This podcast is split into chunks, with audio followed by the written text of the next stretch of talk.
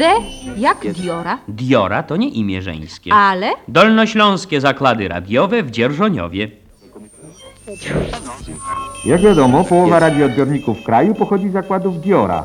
Są to odbiorniki zarówno popularne, jak i wysokiej klasy. Kalipso, Symfonia. Śląsk Serenada. Kos. Super heterodyny. i telewizory. Zgadliście Państwo. Dziś w dźwiękowej historii Radia Wrocław przenosimy się w czasie i w przestrzeni z naszego radiowego studia do Dzierżoniowa i tamtejszej Diory.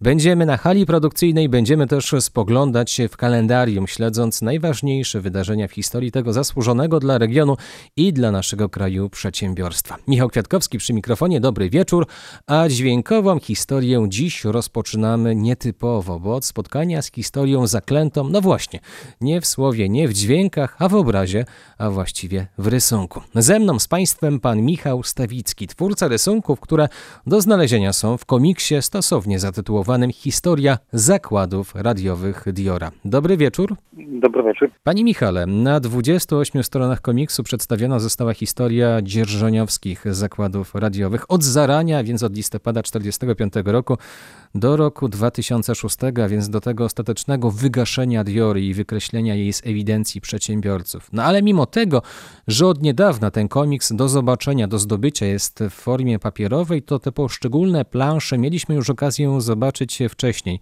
Chociażby mogliśmy podziwiać na dzierżoniowskim rynku. Zatem jak przedstawia się geneza tego komiksowego projektu? Kiedy zaczął pan przymierzać się do pokazania tej fascynującej skąd inąd historii na papierze, na planszy, na rysunku właśnie? Do te, tego projektu całego zosta, zostałem zaproszony przez y, dyrektora Muzeum Dzierżoniowa i razem z panem Arnoldem Kordasiewiczem pracowaliśmy nad tym, y, nad tym projektem.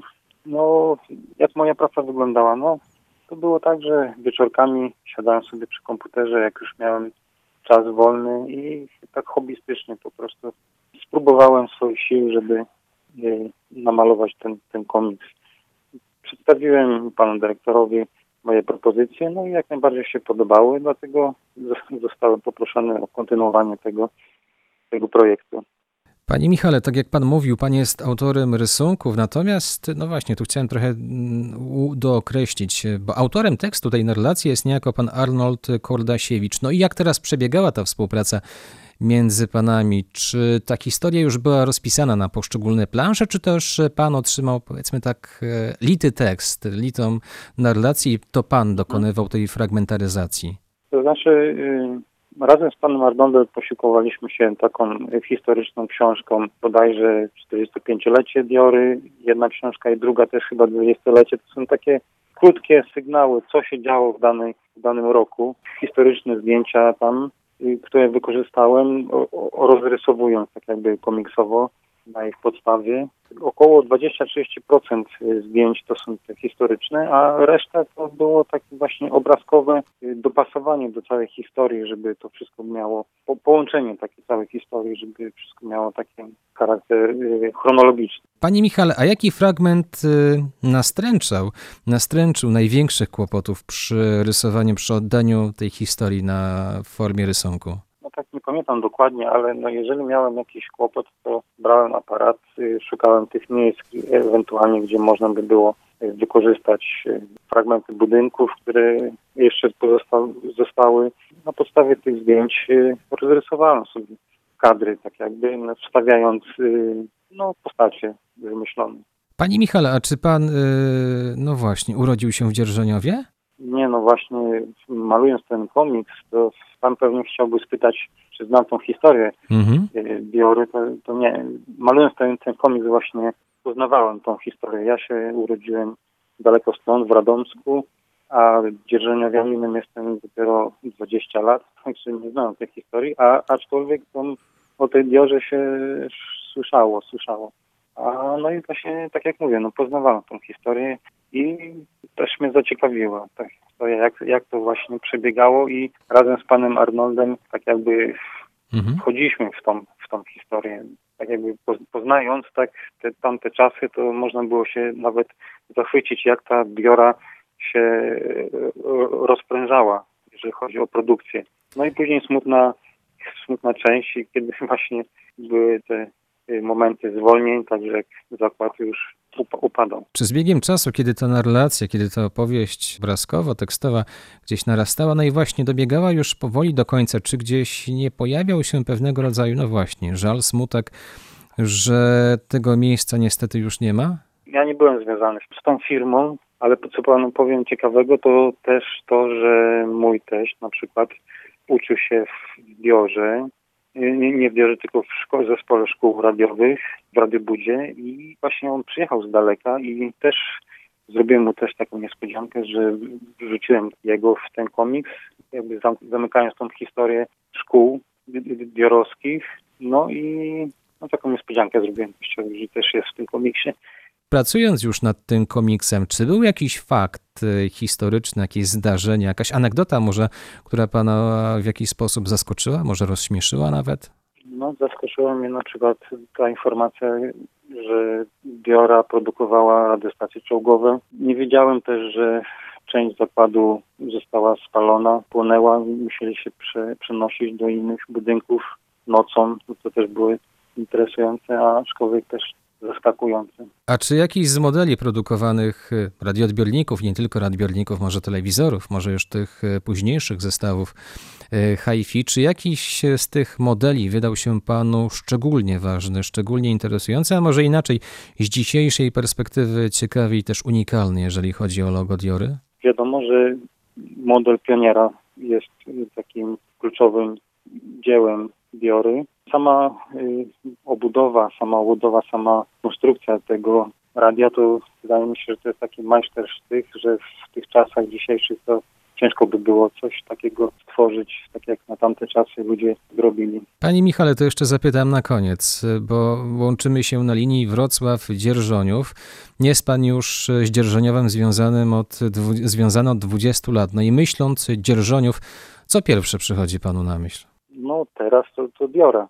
Bo to jest, teraz to jest informacja kluczowa i no to jest projekt już, który trwa dwa lata i wydaje mi się, że, że jest pełen sukcesu. Dziękuję panu bardzo. Michał Stawicki, a więc twórca rysunków, jakie znajdziemy w Dziękuję. komiksie stosownie zatytułowanym Historia zakładów radiowych Diora, był moim i państwa gościem. Dziękuję bardzo raz jeszcze. Dziękuję. Zapraszamy do Dzierżoniowa. Największym zakładem przemysłowym tego 30-tysięcznego miasta jest Diora, czołowy w naszym kraju producent odbiorników radiowych, a do niedawna także telewizyjnych. Tak jest dziś, kiedy co drugi odbiornik radiowy w Polsce pochodzi z dzierżoniowskiej Diory, zakładu którego załoga dysponuje niedawno wzniesionymi, nowoczesnymi halami produkcyjnymi. Jednak w roku 1945 fabryka ta po prostu nie istniała. W miejscu dzisiejszych zakładów znajdowała się dawniej tkalnia, którą w roku 1943 Niemcy zaczęli przerabiać na wytwórnię aparatów podsłuchowych dla okrętów podwodnych. Pod koniec wojny zakład ewakuowano. Zostały po nim puste i zdewastowane hale. Taki obiekt dokładnie 25 lat temu, w listopadzie 1945 roku, przejęła kilkuosobowa grupa operacyjna ówczesnego Ministerstwa Przemysłu i Handlu. A z nami już kolejny gość, pan Radosław Uliński z Muzeum Miejskiego w Dzierżoniowie. Dobry wieczór. Dobry wieczór panu. Panie Radosławie, przed momentem sięgnęliśmy do jednego z naszych archiwalnych nagrań, mianowicie do Sobotynki z 1970 roku, gdzie zarysowany został plan zdarzeń, jakie doprowadziły do uruchomienia państwowej wytwórni odbiorników radiowych w Dzierżoniowie. Mamy więc listopad, listopad, przypomnijmy, 1945 roku. Czy wiemy, kto był w tej grupie inicjatywnej i czego dotyczyć miały te pierwsze prace już chyba przygotowawcze? Tak, wiemy, oczywiście. Ym, W tej grupie znajdował się pan inżynier Tadeusz Kiseweter, pani Maria Chojnacka, pan Bogdan Bańkowski i Tadeusz Jagielak. I te osoby właśnie miały się zająć e, budowaniem e, nowych zakładów na ziemiach e, odzyskanych, e, zakładów e, radiotechnicznych. Panie Radosławie, chyba było tak, e, że w momencie organizowania hale absolutnie opustoszałe, hale też e, pozbawione jakiegokolwiek sprzętu, który gdzieś by był, e, mógłby zostać zastosowany do tej produkcji taśmowej, więc początkowo chyba zmagano się i z brakami personelu, no ale- przede wszystkim też e, te pierwsze, no właśnie, produkty chyba powstawały z tego, co udało się zebrać na terenie fabryki, jeszcze z tych pozostałości poniemieckich. Tak, y, fabryki były ogołocone przez armię radziecką. Y, Praktycznie wyburzano ściany, żeby właśnie wywieźć y, sprzęt, który y, pozostawili y, po sobie Niemcy. Natomiast zostało sporo takiego złomu nieużytecznego, który, którego nawet Armia Czerwona jakby nie chciała ze sobą zabrać. I początkowo właśnie inżynierowie i no, kilkuosobowa załoga właśnie fabryki montowała pierwsze radioodbiorniki na złomie poniemieckim. Y, I co jest takie charakterystyczne, to właśnie y, ten 46 rok y, to właśnie y, radioodbiornik ludowy, który jakby na swojej y, obudowie miał y, jeszcze y, poniemieckie gapy, czyli, czyli godła y, faszystowskich Niemiec, y, czyli orła trzymającego y, w swoich szponach swastykę. No i właśnie pie, pierwszą jakby y, taką częścią produkcji było to, że, żeby właśnie te godła w jakiś sposób y, z, tego, z tej bakelitowej y, obudowy wybawić, ale niestety y, no, często się to nie udawało, gdyż, gdyż bakelit y, był taką, y, no, takim materiałem, który jakby ciężko było wydrapać z tego te gapy. I zaklejano też, próbowano zakleić te godła właśnie gałkami radiowymi, ale klej też był niestety słabej jakości, więc te gałki często odpadały, stąd y, potocznie y, ludność y, albo potencjalni nabywcy właśnie tego radioodbiornika nazywali go y, Hitlerkiem. To była fabryka, właśnie fabryka była nieruszona, natomiast było bardzo dużo rupieci różnego rodzaju, ponieważ tu Niemcy produkowali zapalniki do bomb zegarowych i niektóre części dla przemysłu zbrojeniowego. I trzeba przyznać, że tu również były części już radiowe, z których nasi konstruktorzy montowali y, pierwsze y, powiedzmy odbiorniki radiowe, tak zwany Volksempfänger, to jest odbiornik ludowy. Y, Pierwsze próby zmontowania tych odbiorników na częściach y, poniemieckich. To była mała bardzo seria, po to tylko, żeby mieli co robić pracownicy i, i powiedzmy organizować jakoś ten przemysł. To ja wiem, może było tego około tysiąca sztuk. Następnie y, po jako drugi odbiornik, też taki z części, prawda, tutaj złożonych, no to była limuzyna tak zwana. Panie Radosławie, to równocześnie z uruchomieniem zakładów, z uruchomieniem e, państwowej już potem fabryki odbiorników radiowych, powstaje też e, przemysłowa szkoła radiotechniczna, która miała przecież przez wiele lat kształcić przyszłe kadry dla zakładów, prawda? Tak jest. Y, Pierwszym dyrektorem e, przysłanym przez y, władze centralne właśnie tej Żoniowa był y, pan Józef Buczyłko, który miał taką przeszłość y, wojskową, by- był właśnie, brał udział w kampanii wrześniowej i też właśnie służy wojsku jako, służy po prostu w oddziałach takim, takich komunikacyjnych, czyli no, miał też pojęcie właśnie o, o, o sprawach radiowych. Był też inżynierem i tutaj właśnie on y, został y, sprowadzony tutaj na, do Dzierżoniowa, by założyć y, tą pierwszą szkołę właśnie radiotechniczną. No oczywiście on został też dyrektorem, założycielem, też był, nauczał w tej szkole. Początkowo była to szkoła y, no taka gimnazjalna można powiedzieć, jeszcze nie, dopiero później stała się y, właśnie szkołą średnią mm, i technikum właśnie radiotechnicznym i tak naprawdę w tej szkole no też y, można powiedzieć, że taki nauczyciele mieli też mieli jakby taki rodowód właśnie wileński, też pochodzili właśnie z, z Kresów i oni właśnie szkolili przyszłe kadry do fabryki właśnie Diory. Te kadry zbudują pierwszy polski y, radioodbiornik, ale zanim opowiemy o pionierze, to jeszcze chciałem słowo o tym pierwszym, który de facto chyba zostanie wyprodukowany, a więc y, to jeszcze nie była polska myśl techniczna, radiotechniczna, tak, tak. ale szwedzka.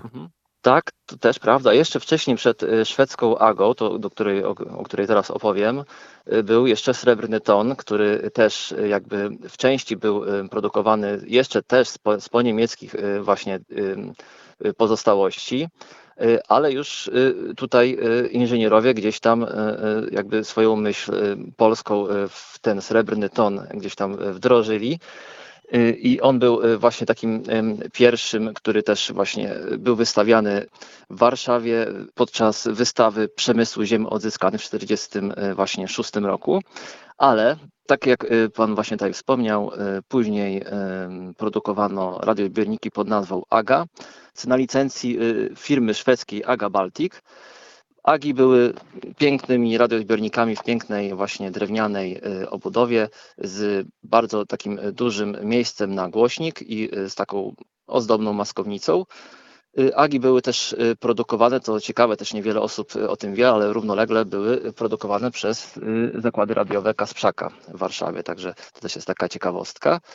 I w tym okresie właśnie, mniej więcej y, y, 47 roku, też powstała pierwsza taśma montażowa właśnie w Diorze. To też myślę, że warto zaznaczyć, że gdzieś tam y, te prace y, wewnątrz fabryki też postępowały y, do przodu. W zasadzie nie było jakiejś produkcji zorganizowanej. Po prostu dział montażu składający się notabene znów z kilkunastu osób na czele z kierownikiem zbierał po całym terenie zakładu części i montowali. Co się tylko dało. Jeśli się znalazła skrzynka, okazuje się, nie było do niej części, ewentualnie były części, nie było do niej skrzynki, więc wsadzano inne części do innej skrzynki. Szło podmiano jakiegoś Volksempfängera, czy popularnie u nas nazywanego Hitlerkiem. Często nawet wypłaty dostawaliśmy w takiej formie. Potem ruszyła już prawdziwa produkcja. W zasadzie o produkcji właściwej można już mówić od 1947 roku, kiedy zaczęliśmy rozpracowywać na podstawie licencji szwedzkiej odbiornik AGA, który produkowaliśmy do czasu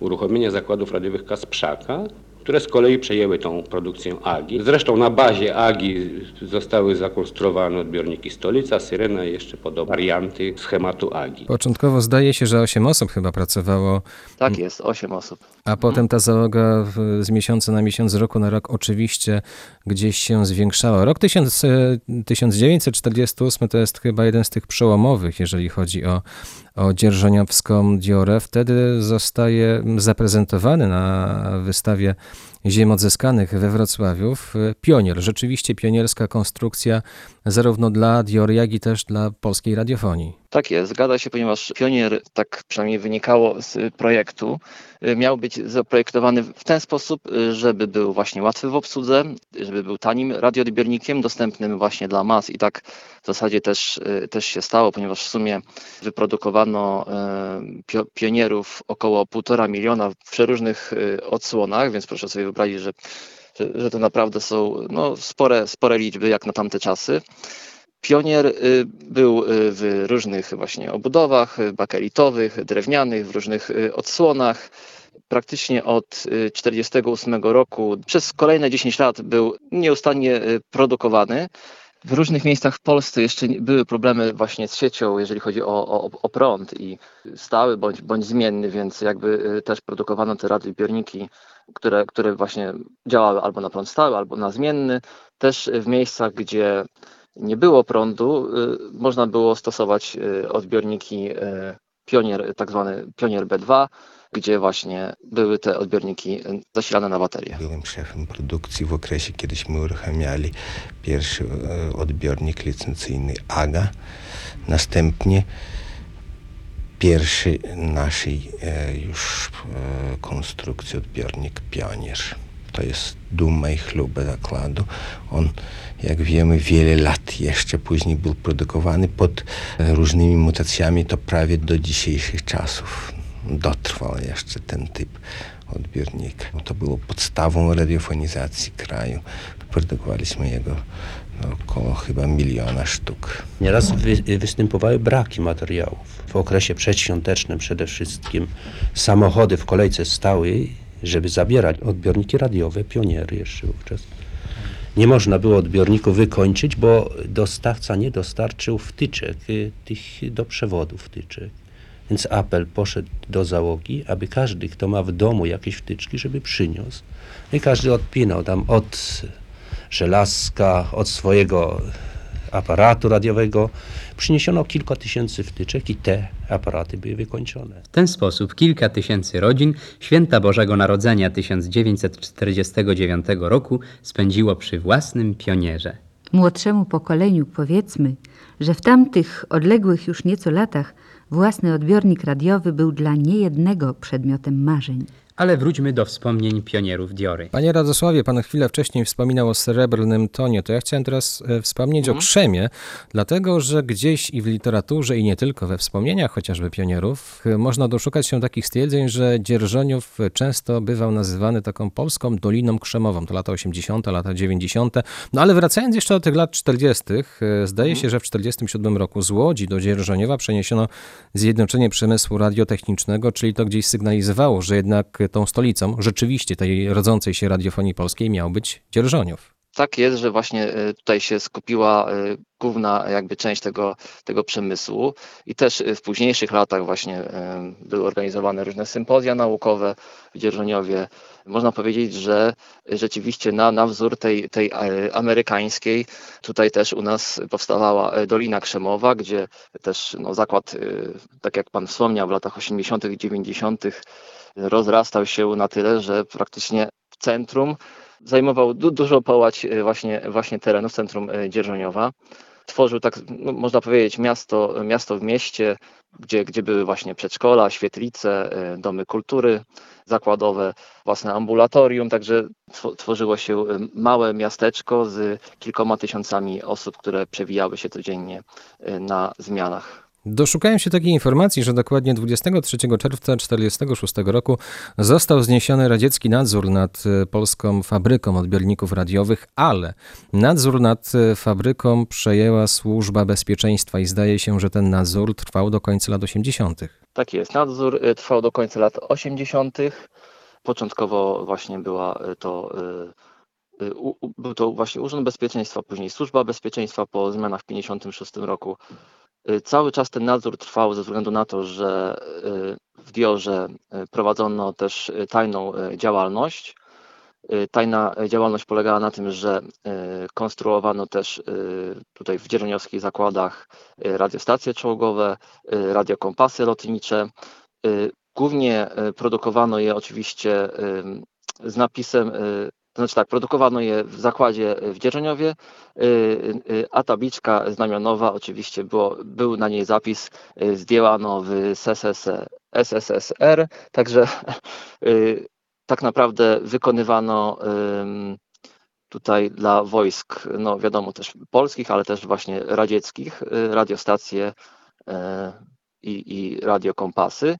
Y, działalność była tajna, pracownicy y, musieli podpisywać y, lojalki, czyli no, lojalki w sensie takim, że nie mogli wyjawić tajemnicy, która ich obowiązywała. Mieli też problemy oczywiście z wyjazdami zagranicznymi, ponieważ no, tak naprawdę tutaj prowadzono mm, taką działalność wojskową.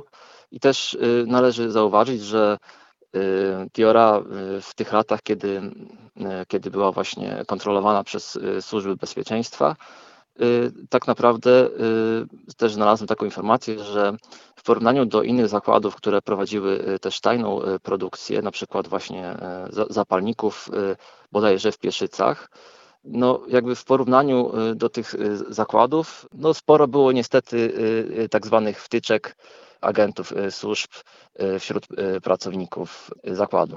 A jeżeli mówimy o służbie bezpieczeństwa, to chciałem jeszcze dopytać odnośnie Radio Wolna Europa, dlatego że doszukałem się takiej informacji, że w 1954 roku zawężono zakres fal krótkich. To był efekt y, decyzji Urzędu Rady Ministrów i też tajnej uchwały, która zobowiązywała Ministerstwo Przemysłu Maszynowego do wprowadzenia w produkcji odbiorników radiowych zmian konstrukcyjnych. Czy to w jakiś sposób przełożyło się, no właśnie wtedy na Diorę i też na Pioniera, aby w tych odbiornikach wprowadzić pewne zmiany, które gdzieś utrudniałyby odbiór polskojęzycznych audycji nadawanych poza granicami Polski? Oczywiście y, zmiany y, wprowadzano, jednak Y, na przykład y, y, czyniono tak, że po prostu dorabiano specjalne anteny i specjalne właśnie mechanizmy, które pozwalały na, na odbiór tej stacji w, w tych, poprzez te właśnie radioodbiorniki, czyli mm, tutaj jakby Polacy radzili sobie, no tak jak zawsze, bardzo tak y, no, mądrze gdzieś tam sobie y, zmieniali y, jakby te fabryczne ustawienia radioodbiorników w taki sposób, żeby właśnie odbierać to radio Wolna Europa. Panie Radosławie, my się posługujemy tutaj nazwą Diora, ale ta nazwa przecież nie, nie obowiązywała od samego początku, bo tych Oczywiście. nazw wy, mhm. wynotowałem sobie kilka. Na, sam, na samym początku mieliśmy polską wytwórnię odbiorników radiowych, potem państwową, polską... Tak. Mhm, państwową. państwową wytwórnię, mhm. tak, odbiorników radiowych, potem państwową fabrykę odbiorników radiowych, Później y, była y, w 1949 roku bardzo, że tak powiem, skomplikowana nazwa y, Dolnośląskie Zakłady Wytwórcze Urządzeń Radiowych. Więc y, proszę sobie wyobrazić, jak y, zagraniczni kontrahenci, bo też Diora właśnie współpracowała, eksportowała swoje radioodbiorniki.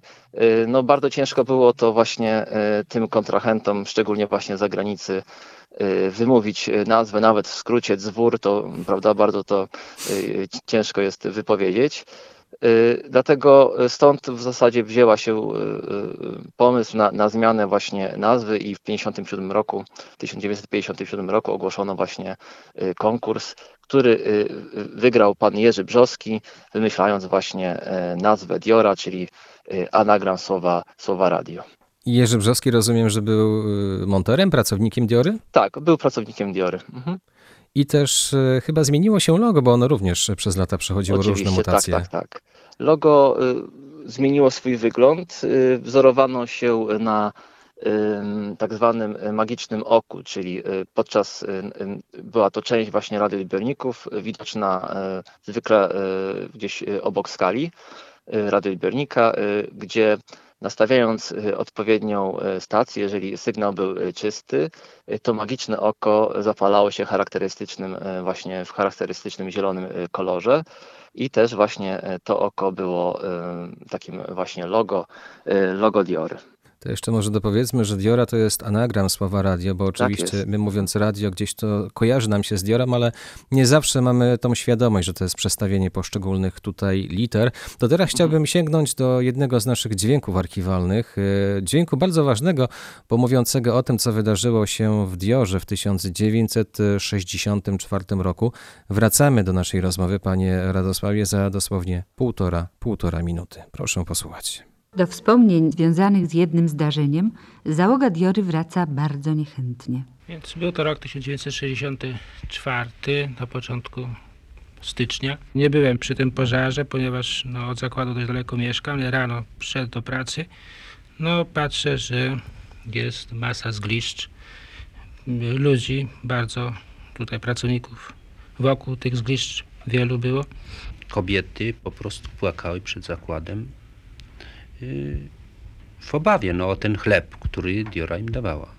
No, trzeba tutaj powiedzieć, że jakieś dwie trzecie y, mieszkańców Dzierżoniowa pracujących pracuje w Diorze. Żyty z tym zakładem od 1945 roku, boleśnie to odczułem.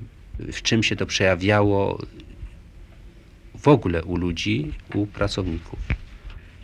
Spontaniczny zapał do pracy, bez zainteresowania, czy to będzie opłacone, czy nie.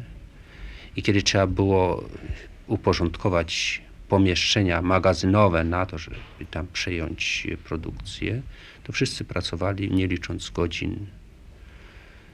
I bywało tak, że niektórzy po kilkanaście godzin, nie tylko doby, ale ponad dobę przebywali na zakładzie. Dzięki tej spontanicznej pracy w ciągu 19 dni potrafiliśmy przygotować, znaczy przestawić pomieszczenia magazynowe na pomieszczenia produkcyjne i w 19 dniu już spłynęły z taśmy w nowych pomieszczeniach odbiorniki. Za to rzeczywiście załoga tutaj wdzięczna jest dzisiaj wszystkim.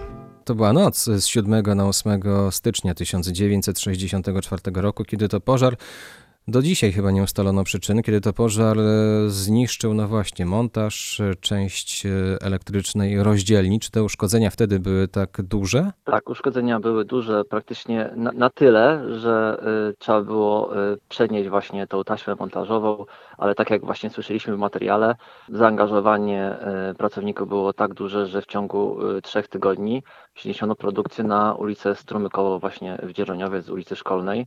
Bardzo się y, pracownicy, no jak było słychać, tym faktem zdenerwowali i właśnie w taki sposób sobie bardzo szybko poradzili. I myślę, że też jakby o, potędze właśnie tego, jak ten zakład właśnie e, też stał swoimi e, pracownikami, jak byli oni zaangażowani w tą pracę zakładu, jest to, że praktycznie e, kilka miesięcy później, nie miesięcy, nawet tygodni, kilka tygodni później, jakby zapoczątkowano produkcję, bo też trzeba tutaj e, zaznaczyć, że Diora to nie tylko radioodbiorniki, ale także telewizory. E, Właśnie zapoczątkowano produkcję kolejnego już, e, bo to był drugi z kolei, telewizora Toska. Tutaj widać tą potęgę i też, i też ludzi pracujących i, i, tego, i tego zakładu y, że gdzieś tam potrafili y, podnieść się dosłownie ze zgliszczy i, i dalej tą produkcję tworzyć. I nie mówiliśmy jeszcze o tych modelach ważnych, jeżeli chodzi o radia w latach 50.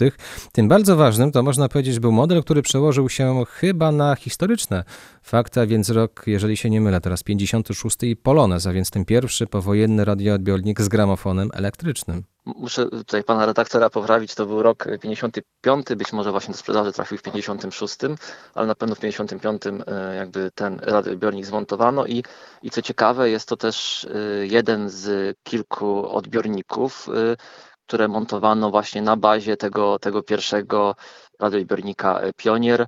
Na górze właśnie tego mm, obudowy tego radioodbiornika Poloneza znajdował się e, gramofon elektryczny, który jakby Diora pobierała od, od swojego partnera z, właśnie z łódzkiej foniki. Był Pionier, był Mazur, był Polonez, nazwy dosyć polskojęzycznie brzmiące.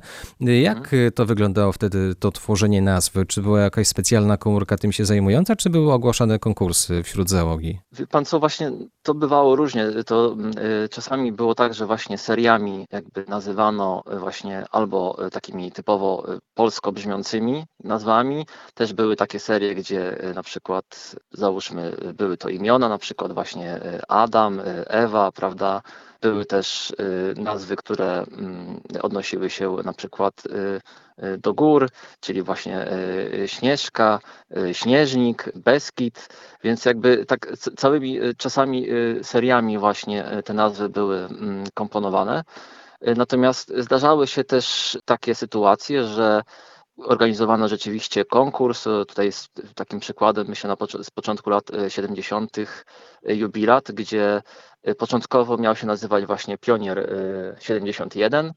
Skądinąd też bardzo popularny radioodbiornik, który zapoczątkował mm, budowę tak zwanych klocków dzierżoniowskich. Bardzo dużo właśnie po tym jubilacie powstało y, odbiorników, które były y, y, komponowane właśnie w bardzo podobnych obudowach. Stąd właśnie wzięła się ta nazwa w takich prostokątnych, długich, jamnikowatych, można powiedzieć, obudowach. I właśnie, właśnie ten jubilat jest takim przykładem tego, że organizowano też właśnie konkursy na, na nazwy. Były pioniery, były jubilaty, były Mazury przeze mnie wspomniane, to teraz postaram się poprawić, jeżeli chodzi o datę i też nazwa będzie nieco, nieco odmienna, bo mamy rok 1959 i wtedy też z taśmy schodzi Calypso, pierwsze polskie radio wyposażone w pełny tor FM i to jest o tyle ważne, że to był produkt, z którym Diora wychodzi już na rynki nie tylko polskie, ale światowe. Tak jest. Diora, no, mimo e, tego, że gdzieś tam żelazna kurtyna e, bardzo dobrze się w tym czasie e, miała, e, mimo to e, Diora wychodzi na, na rynki świata. Odbiorniki e, Calypso trafiają do USA, do Kanady, no oczywiście też do krajów socjalistycznych, ale, ale też do niektórych krajów Europy Zachodniej. Niespodzianek spotykamy w Diorze bardzo wiele. Jedną z nich jest to odbiornik y, bateryjny y, Limba, który dzisiaj wszedł na taśmę. Następnym odbiornikiem y, to jest Ramona. Odznacza się on y, bardzo przyjemnym wyglądem, nowoczesnym. Bardzo pasuje do nowoczesnych mebli. Zdaje się, że chyba tym najbardziej ulubionym, przynajmniej przez Anglików, była tak zwana Ramona, bo ona posiadała taki no, dosyć niespotykany wcześniej, jeżeli chodzi o radioodbiorniki, kształt, kształt poszukiwany chyba na zachodzie, jeżeli dobrze gdzieś doszukałem się informacji. Kształt poszukiwany, nazywany potocznie właśnie y, przez pracowników, ponieważ na takich charakterystycznych, y, krótkich y, nóżkach y, Ramona była wykonywana. Otrzymała też właśnie nagrodę za design. Ten radioodbiornik otrzymał nagrodę za design na targach w Poznaniu. Zaprojektował ją pan Jan Kowalczyk, który później był dziekanem na Wydziale Sztuk Użytkowych na Akademii Sztuk Pięknych właśnie we Wrocławiu, więc też trzeba to zaznaczyć, że Diora jako jedna z niewielu y, firm y, przemysłowych zatrudniała swoich własnych plastyków. I tutaj właśnie Ramona jest jednym z przykładów. Tutaj pan mówił, że Ramona była taka e, jakby no, poszukiwana Mhm. przez, przez Anglików, ale właśnie do Anglii przede wszystkim y, właśnie eksportowano takie, y, można powiedzieć, szafy grające na swój sposób, ponieważ y, były to tak zwane radiole y, w takich dużych meblowych właśnie jakby kredensach. Montowano radioodbiorniki. Jednym właśnie y, y, z nich był właśnie DGS y, 302, który y, był y, eksportowany do Wielkiej Brytanii. W tych y, szafkach montowano właśnie radioodbiorniki, też magnetofony szpulowe bądź y, gramofony i były to też, co warto zauważyć, były to y, radioodbiorniki stereofoniczne. Akurat jeżeli chodzi o tą radiolę, o której wspomniałem, była ona produkowana w niewielkiej ilości, bo około tysiąca sztuk y, ty, tych radioli wyprodukowano i były głównie właśnie przeznaczone na eksport do Wielkiej Brytanii. Jak nam donoszą, w tej chwili wchodzi na taśmę telewizor Aladdin. Jest on najmniejszym objętościowo w porównaniu do powierzchni czynnej ekranu telewizorem w Europie. I przypuszczam, że to jest duże osiągnięcie. Naszą ambicją jest wprowadzić jak najszybciej na taśmy produkcyjne nowy telewizor, telewizor o jeszcze większym ekranie niż Aladdin. To będzie Scheherazada, taka jest nazwa robocza tego odbiornika. Ekran 23 cale, nowoczesny kineskop, prostokątny. Była Toska, była Szeherazada, ale te telewizory, jeżeli chodzi o Diorę dzierżoniowską, tak długo na taśmie nie przetrwały, bo e, produkcja rozpoczęła się w latach 60., zakończyła w latach 70. i gdzieś nie podejmowana potem przez całe lata tego tematu. Starano się skupić głównie na odbiornikach radiowych, potem już na tych zestawach, nazwijmy to wieżowych. E, Skąd e, taka wolta? Zakład y, dosyć y, dobrze prosperował y, właśnie w tym okresie lata 60. y, 70., o czym świadczy też właśnie y, to wychodzenie y, z, tego kryzysu y, pożaro- popożarowego właśnie y, i produkcję telewizora Toski. Y, Bardzo dobrze y, ta sprzedaż y, gdzieś tam y, y, szła, y, jeżeli chodzi o telewizory. No niestety nie spodobało się y, to, to władzom y, centralnym, y, na tyle, że y, postanowiono przenieść y, y, z niewielkiego miasta, jakim, był, jakim jest y, nadal Dzierżoniów, y, po prostu władze centralne przyniosły y, produkcję telewizorów do Warszawy i jakby niestety y, pracownicy ani, ani kierownictwo nie miało, nie miało na to zbyt y, dużego wpływu. Dopiero y, w latach 90., kiedy Diora już y, no, chciała się y, jakby ratować y, od upadku, y, wrócono do właśnie do produkcji y, też y, telewizorów. No i to właśnie były y, takie modele jak OTVC 100 i OTVC 200. Czyli zadecydowała małość, czyli zadecydowała zazdrość, jeżeli chodzi o No tak ten można fragment. powiedzieć.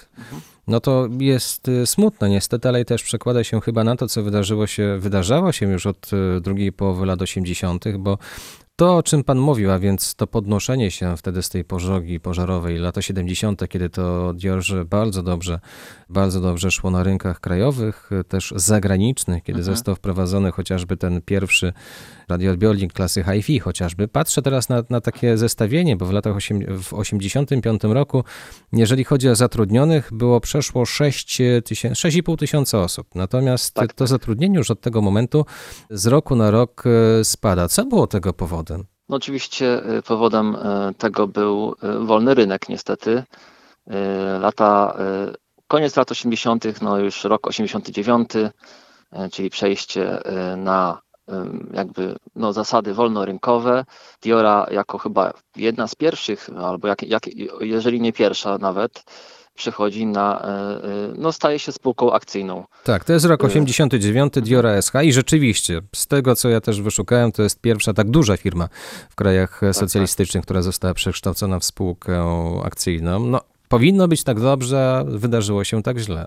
No niestety. y, Wolny rynek y, i to, że sprowadzano z zachodu i, no i ze wschodu, właśnie z Chin, sprzęt, który był no, już jakościowo no, nieporównywalny do, y, no tak zły był niestety, nieporów- nieporównywalnie właśnie do, do y, tego, co y, produkowała Diora, no ale przez to, że, że jakby jakość tego sprzętu była słaba, no to też cena była bardzo niska, więc po tych przemianach gospodarczych, kiedy no, w Polsce po, powiedzmy sobie wprost, no, nie działo się zbyt dobrze, ludzie też nie mieli y, zbyt y, y, wielu pieniędzy, żeby, żeby kupić sprzęt po- porządny, no, stawiali właśnie niestety na, na ten sprzęt sprowadzany i z zachodu, i, z, i ze wschodu.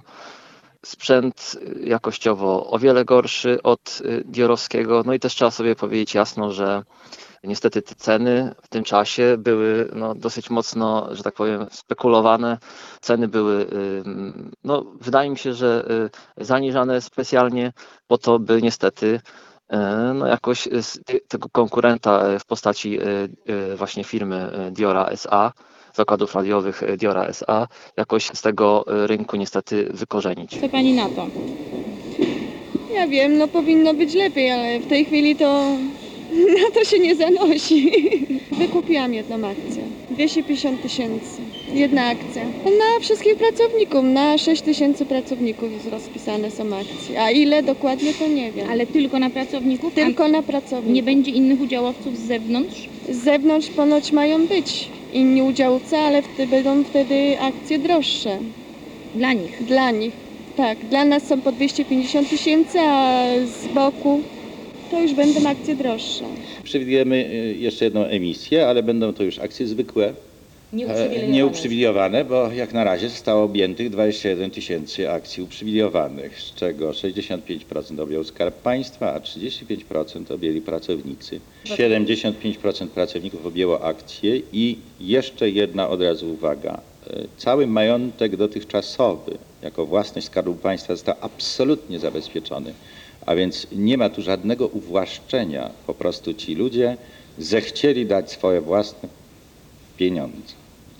Y, Dali tych pieniędzy sporo. Jedna akcja kosztuje 250 250 tysięcy, tysięcy. Czyli prawie 2 miliardy. A jak to wyglądało, jeżeli chodzi o park y, maszynowy i gdzieś te umiejętności, nazwijmy to bardzo ogólnie konstrukcyjne, bo gdzieś można też się spotkać z taką polemiką, że na początku lat 90. to my byliśmy tutaj w Polsce w Dzierżoniowie bardzo daleko za tym, co działo się w tych kluczowych, najważniejszych koncernach elektronicznych na zachodzie. Czy rzeczywiście ta myśl, ten postęp techniczny, tak to nazwijmy, mm, był tak zapóźniony? No to jest też jakby kwestia propagandy, mi się wydaje, bo mm, ni niestety było też tak, że nawet powstawały y, antyreklamy tych radioodbiorników. Tak naprawdę no, fakt jest y, taki, że niemożność tego eksportu, no to też, też ta myśl techniczna niestety przez nasze granice nie przechodziła i rzeczywiście w jakiś sposób miało to na pewno wpływ na rozwój y, Diory, ale mimo to tak chciałem tylko przypomnieć, że w początku lat 90. wciąż na, na diorowskie radioodbiorniki i na dior, diorowski sprzęt i też tak jak Pan wspomniał już wtedy też wieże diorowskie, ciągle były zamówienia z zachodu, więc tak naprawdę jest to trochę zagadka, jak to, jak to się stało, że że mimo tych zamówień, mimo tej chęci gdzieś tam sprowadzania dierowskiego sprzętu, który no co prawda no nie był tani, ale no jakościowo był, był świetny, co się stało, że gdzieś tam ta produkcja nie funkcjonowała, tego, tego nie wie nikt właśnie, niestety. Można spotkać się do dziś jeszcze z takimi opiniami, zresztą w naszym małym radiowym muzeum mamy sprzęty wyprodukowane w Dzierżoniowie, które, uwaga, po dziś dzień działają. Pewnie jest tak u wielu z naszych słuchaczy, czy to wieże, czy to jakiś radioodbiornik. W połowie lat 90.